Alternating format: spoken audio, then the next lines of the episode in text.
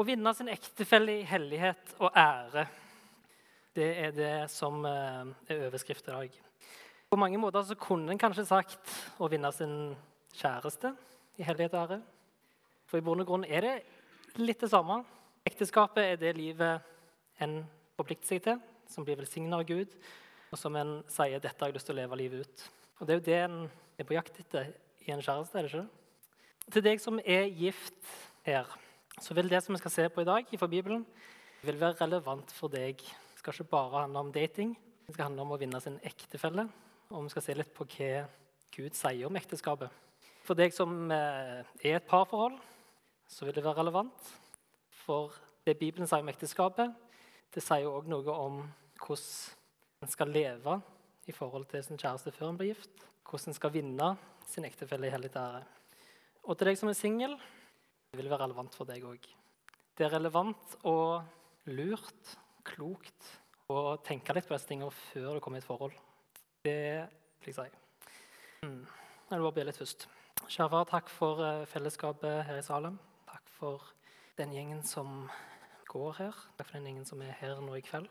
Takk for at uh, vi kan få lov til å lese fra ditt ord sammen. Da måtte du må bruke ditt ord i kveld til å tale til oss. Da måtte vi åpne hjertet. Ber om at du gir meg ro for det jeg skal si. Navn Jesus. Amen. Jeg skal begynne med å lese den teksten som uh, er utgangspunktet for talen i dag. Den finner vi i første vers 4, 3-8. For dette er Guds vilje, at dere skal være hellige, så dere holder dere borte ifra hor. Hver av dere skal vite å vinne sin egen kone i hellighet og ære, ikke i sanselig begjær som hedningene. De kjenner jo ikke Gud. Ingen må krenke eller utnytte sin bror på noen måte. Herren straffer alt sånn. Det har vi tidligere sagt dere klart og tydelig. Gud kalte oss ikke til urenhet, men til et hellig liv. Den som avviser dette, avviser derfor ikke et menneske. Han avviser Gud, som gir dere sin hellige ånd. For et par uker siden, så, det var kanskje siste gang jeg talte, så snakket jeg ut fra Efeserne 4 og 5. Eh, og der var vi annet innom jeg skal ikke ta den talen på nytt, men det var blant annet innom at det er særlig to ting som har to fristelser, eller to synder, som har særlig makt til å dra oss vekk fra Gud. Det er sex, og det er penger.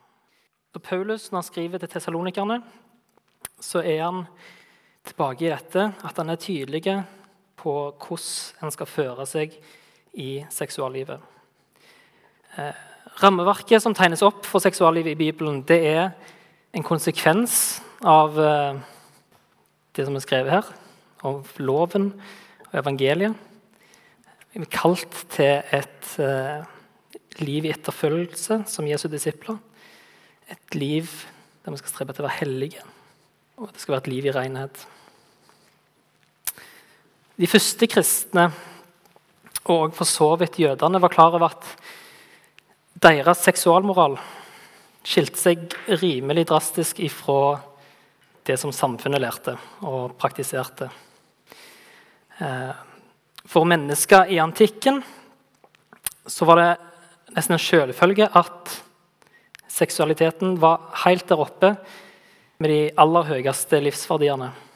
Så det klassiske filosofiske spørsmålet hva er meningen med livet, ville ikke vært så fryktelig vanskelig for de å svare på. Det ville vært nytelse. Og særlig da den seksuelle nytelsen. Det var det som var meningen med livet. Og da er det ganske stor distanse til den kristne meningen med livet og stor distanse til den kristne seksualmoralen. At seksualiteten i forhold til Bibelen òg er noe som må underordnes Guds vilje og Guds tanker. For Guds vilje og Guds tanker er godt for oss òg i det vi lærer om seksualiteten. Og hva er egentlig da Guds vilje og Guds tanker med dette? Jeg skal begynne med skapelsen. Første Mosebok 1,28. Etter Gud hadde skapt mennesket, så står det at Gud velsigna dem og sa til dem, vær fruktbare og bli mange. Fyll jorda og legg den under dere. Det er den første vilja med seksualiteten. Det skal tjene til at det blir flere folk på jorda, egentlig. Så han skapte mennesket til mann og kvinne, forskjellige på mange vis, men òg i forhold til seksualiteten, sånn at det kunne komme flere mennesker til jorda. Dette er en del av Guds velsignelse av mennesket. Så Gud vil sex. Sex er skapt av Gud som en god ting, og det vil det òg være hvis en praktiserer det innenfor det rammeverket som Gud har gitt innenfor ekteskapet. Og Da kan vi hoppe til kapittel 2. Jeg tror ikke den funker helt. Kapittel 2, vers 18. Eh, så finner vi også en beskrivelse av hensikten med å skape kvinner. Adam ble skapt først, men Gud så at det var ikke godt for mennesket å være alene. Så han sier her jeg vil lage en hjelper av samme slag. En hjelper eller en medhjelper har det blitt oversatt. Der ligger en intensjon helt fra skapelsen av at mann og kvinne skal hjelpe hverandre. Mann og kone skal gi hverandre hjelp, de skal gi hverandre råd, de skal gi hverandre trøst. De satte for hverandre. Og Hvis vi hopper til vers 24 i samme kapittel, så står det derfor skal mannen forlate sin far og sin mor og holde fast ved sin kvinne. Og de to skal være én kropp. Mannen skal forlate sin far og mor. Det er punkt én. Det er en rekkefølge på dette. her. Det er punkt én. Han skal forlate sin far og sin mor. Og det blir en start på en ny enhet, forskjellig fra den som har vært med foreldrene. Det hadde vært eh, mor og far og sønn. Sikkert har vært veldig trivelig. Og så skal han forlate dem. Han skal gå inn i en ny enhet med sin kone. Så de igjen, punkt to, skal få lov til å være én kropp. Det blir en ny enhet. To blir til én etter Guds vilje òg når det kommer til seksualiteten. Og I sin tur kan de få barn, som igjen da forlater sin far og sin mor og finner seg ei kone. Men vi kan gå tilbake til teksten i 1. Tessalonikerne 4 så ser vi at uh, Paulus begynner med å begynner med innskjerpe grensene for uh, menigheten i Tessalonika, til forskjell fra de rammene som samfunnet for øvrig har satt for dem. Seksualiteten det er ikke noe selvfølgelig menneskerett. Gud har satt en bestemt grense for hvordan den skal leves ut. Hold dere vekke ifra hor, så dere holder dere vekke fra hor. Hva betyr det? Altså, lev, lev ikke sammen uten å være gift. Ikke treng deg inn i en annen sitt ekteskap. Ikke ta ekteskapet på forskudd, sånn at en lever som ektefeller i et samboerskap, f.eks., med alt det som det innebærer. Et uforpliktende samboerskap eller å pushe grensene i kjæresteforholdet. Det er ikke noe som bringer noe velsignelse med seg. Så Det er det første i teksten her. Etter det kommer det et mål som en skal strebe etter. Vinn deg din egen ektefelle, en som bare er din. Denne gode, helhjerta og trufaste enheten det er noe som Gud har villa, som vi så helt fra starten av. Det er en ordning som er til velsignelse for deg, for ektefellen din, for foreldrene dine, for eventuelle barn. Det er egentlig en god ordning for samfunnet i sin helhet. God, stabil ordning. Så enhver skal ha sin egen hustru, og hustruen er ikke noe seksualobjekt. Forholdet mellom ektefellene skal styres av hellighet. Det skal styres av ansvar, omtanke, hensyn og ærbarhet. En skal altså ha respekt for den andre parten respekt for dens egenverdi og dens integritet. Og Nettopp derfor er truskap òg så viktig i dette. Jeg skal ikke gå veldig mye inn på, på skilsmisse i dag. Skal holde oss til, til dette perspektivet med å vinne sin ektefelle. Men det henger sammen, dette òg.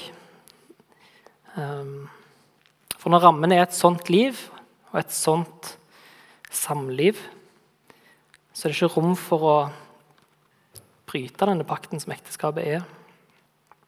hensikten, er et livslangt forhold. Og Så er det det tredje, det er metoden som skal brukes her. da. Denne ektefellen skal vinnes ja, det kan jeg kanskje si. Her står det kone i denne oversettelsen. I andre oversettelser står det ektefelle. Det er litt ulikt hva en velger der, men jeg tenker det gjelder for oss alle. Den ektefellen skal vinnes i hellighet og ære. Det er metoden en skal bruke. Det skal skje på en måte som føles ren, som føles ordentlige, eh, ærlige, ryddige. Det skal skje på en ryddig måte. En kan si at det, det skal skje på en måte sånn at en ikke kjenner at en har noe å skamme seg over, verken overfor Gud eller overfor mennesket. For Gud kalte oss ikke til, til urenhet, men til et hellig liv. Den som avviser dette, han avviser ikke Paulus eller apostlene eller noe annet menneske, men han avviser Gud, som gir oss sin Hellige Ånd. Han gir oss sin Hellige Ånd og et hellig sint hellig sinn er vendt mot Herren. Det handler om å søke og underordne seg Guds vilje i alle ting, og i seksualiteten. I Hebreerne 13, vers 4 så står det La ekteskapet holdes i ære av alle, og la ektesenga bevares rein. For Gud vil dømme de som driver hor eller bryter ekteskapet. Den første kirka måtte kjempe ganske hardt på dette punktet med seksualitet. Ikke minst med ulike retninger som ga seg ut for å være kristne, som f.eks. gnostisismen. Der var det egentlig eh, ganske fritt fram i seksuallivet. Og I et gammelt brev som er skrevet på 200-tallet, pluss minus 100 år, så skriver der en kar til en som heter Diognet som beskriver noe av dette. Han skriver at verden hater de kristne ikke fordi de har gjort den urett, men fordi de setter seg imot dens lyster. Samfunnet merker at de kristne lever et annet liv når det kommer til moral, hva de velger vekk, hvilke lyster de ikke velger å kaste seg inn i. Og verden liker det ikke. Og faktisk en setter Bo Gjertz, han skriver at gjennom tidene så har ei uklar grense mot hedenskapets syn på seksualitet vært et av tegnene på indre oppløsning av den kristne tru. Og det er kanskje grunnen til at Paulus er så tydelig på dette. Her, da. At han tar det opp gang på gang. Det er viktig, ikke en bagatell. Når det står her i teksten i første, Teslonikerne 'hold dere vekk ifra hor', så er, så er ikke det en sånn ikke, ikke, bare ikke gjør det. Ikke så vagt formulert. Det holder dere vekke. Vi kan heller se til Josef, som demonstrerte dette når han rømte fra Potifars hustru. I 1. Mosebok 39, vers 12. Der står det da grep hun fatt i kappen hans og sa, 'Ligg med meg.' Men han rømte ut av huset og lot kappen bli igjen i hendene hennes. Det er mer denne undertonen Flykt ifra det. Kom dere så langt vekk som mulig. Det handler ikke om å finne en sånn minimumsstandard å leve så tett opp til grensa som mulig for hva som regnes som synd. Ikke. Det er ikke det det handler om. Det handler om å flykte fra fristelsene til hor.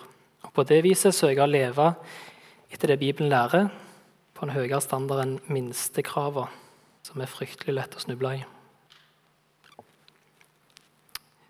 Og Vi finner jo dette òg igjen i de ti bud, i det sjette budet. Du skal ikke drive hor. Blant jødefolket så var det rimelig etablert at uh, folk gifta seg. Uh, og gjerne òg at uh, en ble gifta vekk ganske tidlig.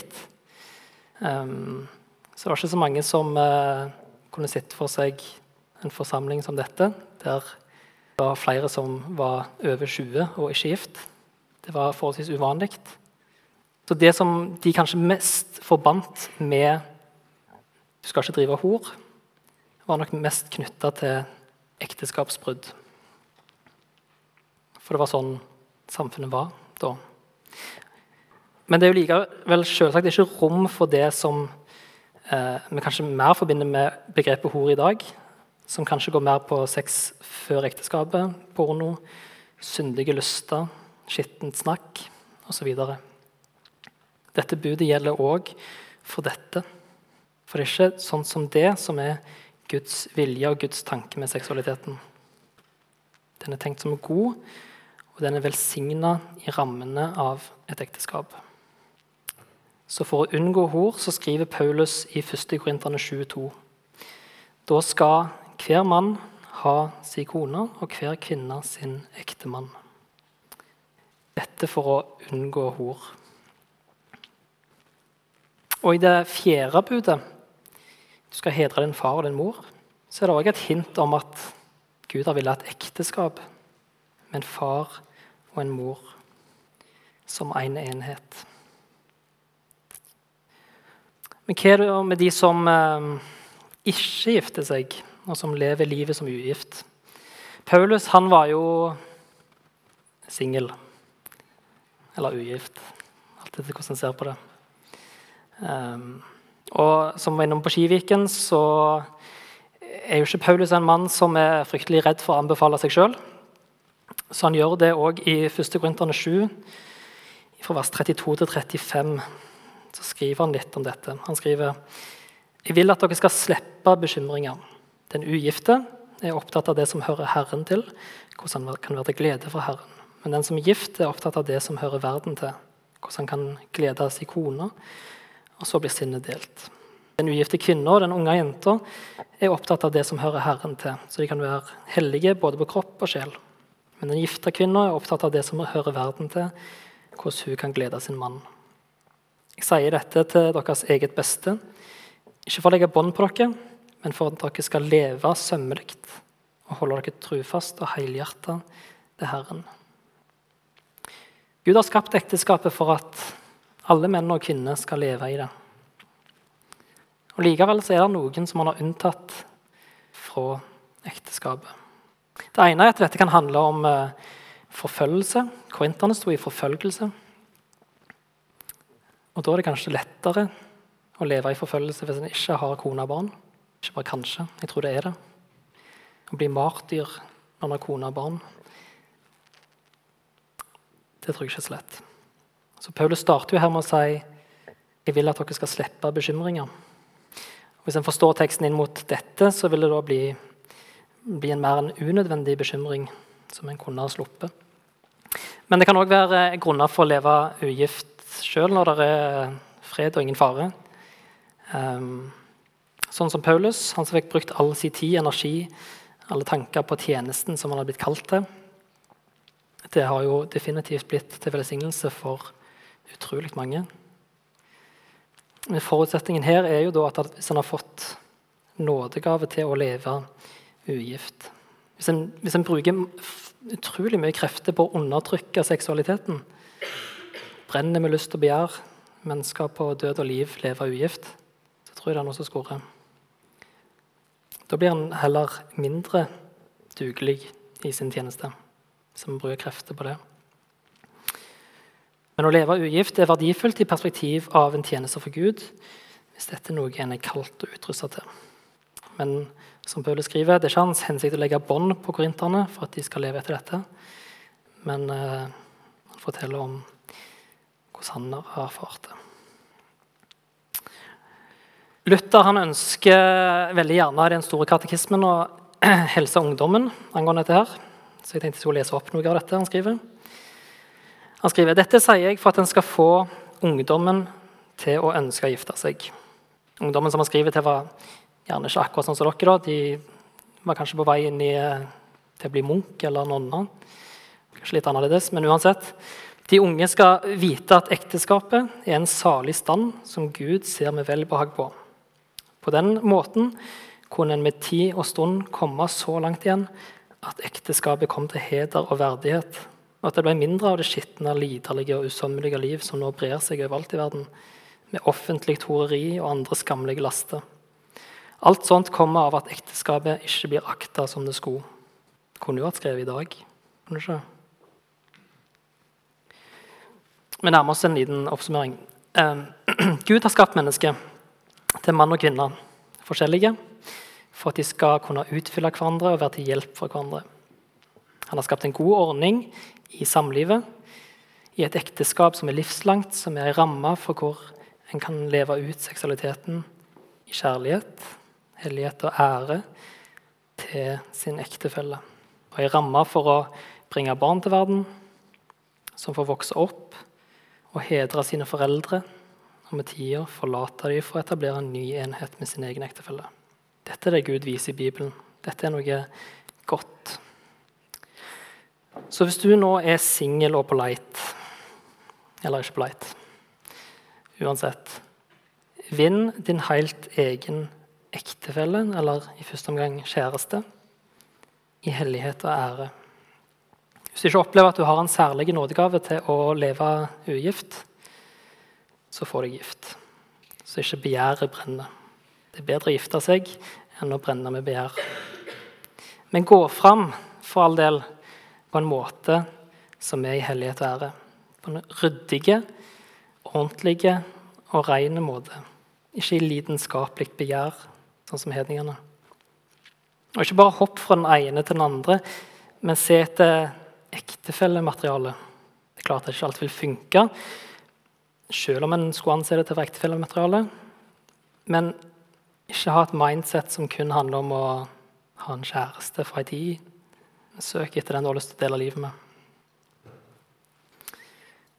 Og ta med Gud i dette.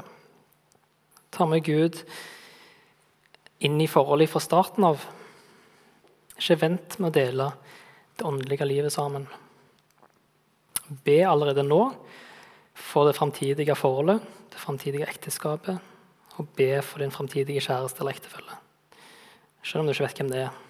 Selv om du kanskje har visse forhåpninger. Da, men. Og Hvis du allerede er i et parforhold, altså som kjæreste eller forlovede, lev i det òg på en sømmelig måte. En er ikke gift før en er gift, selv om alle pilene kan peke i riktig retning. Så vet en ikke alltid om at det ender sånn som en tror, før jeg har sagt ja av alterringen. Mannen skal først forlate sin far og sin mor før han skal holde seg til sin kvinne. Hvis en lever sømmelig på dette, så kan en òg bevare ekteseng og rein, som vi leste i Hebrean 13. Så ikke utfordr grensene. Ikke prøv å trekke linjer om hva som skal være minste, minstekravet i forhold til å leve sømmelig. Jeg mener ikke å si det på en streng måte, men jeg mener det med omsorg. Helt oppriktig. Ikke push den for langt. For det å gå på lina på fiskesnøre det er ikke så fryktelig lett. Jeg syns ikke lett med vanlige liner heller, men det er sikkert noen som kan det. så derfor sier jeg fiskesnøre. Å ta med Gud, du òg, i forholdet, eller dere òg, i forholdet helt fra starten av. Hvis dere ikke har gjort det allerede. Be sammen, be for hverandre. Vær til hjelp for hverandre. Vær til trøst for hverandre, gi hverandre råd. Og den mest konkrete utfordringen be Gud om å hjelpe dere til å leve sømmelig og ærbart sammen. Be Han om å hjelpe dere å sette rammene for samlivet før ekteskapet. For det blir fryktelig for rabalder hvis vi skal finne ut av det sjøl uten Guds hjelp. Til dere som er gift, å finne ut av hvordan en lever som ett, det er ikke løst på en dag. Samlivet er noe som en stadig må arbeide på. Det gjelder det samme her. At en holder ektesenga rein. At en ikke lar Gud At en lar Gud få forme ekteskapet. Og ikke utelater han fra miksen selv om en er gift. Ta med Gud i forholdet. Søk han sammen. Utfordre hverandre på trua, på livet med Gud. Det kan være til hjelp for hverandre òg i det som går på tru. Til slutt til dere som er gift, så vil jeg lese fra Efesene 5, 21-28. Vær hverandre underordna i ærefrykt for Kristus. Dere kvinner, underordner dere ektemennene deres som under Herren sjøl. For mannen er kvinnens hode, slik Kristus er kirkens hode. Han er frelser for sin kropp. Som kirken underordner seg Kristus, skal kvinnene underordne seg sine menn i alt. Dere menn, Elsk konene deres som Kristus elska kirka og ga seg sjøl for den, for å gjøre den hellig og rense den med badet i vann i kraft av et ord. Sånn vil han sjøl føre kirka fram for seg i herlighet, uten en minste flekk eller rynke. Hellig og uten feil skulle han være. På samme måte skal altså mennene elske sine koner som sin egen kropp. Den som elsker sin kone, elsker seg sjøl. Kjære far, takk for, eh, takk for, ditt ord. Takk for at eh, ditt ord er nyttig til veiledning og opplæring. Takk for det du har et ord til oss om hvordan vi skal leve rett og hellig som etterfølger av deg Jeg ber om at du må gi oss styrke, gi oss kraft til å leve etter det ordet. Jeg ber for alle forhold som er her i salen. Jeg ber om at du må velsigne dem, veilede dem. Hjelpe dem til å leve rett i forhold til hverandre. Enten det er de som er gift, eller de som ikke er gift. Jeg ber for de som er single. Ber om at eh, de må få lov til å få vinne sin ektefelle i hellighet og ære. Gå fram på en ren og god måte. Legg resten av kvelden i dine hender. Amen.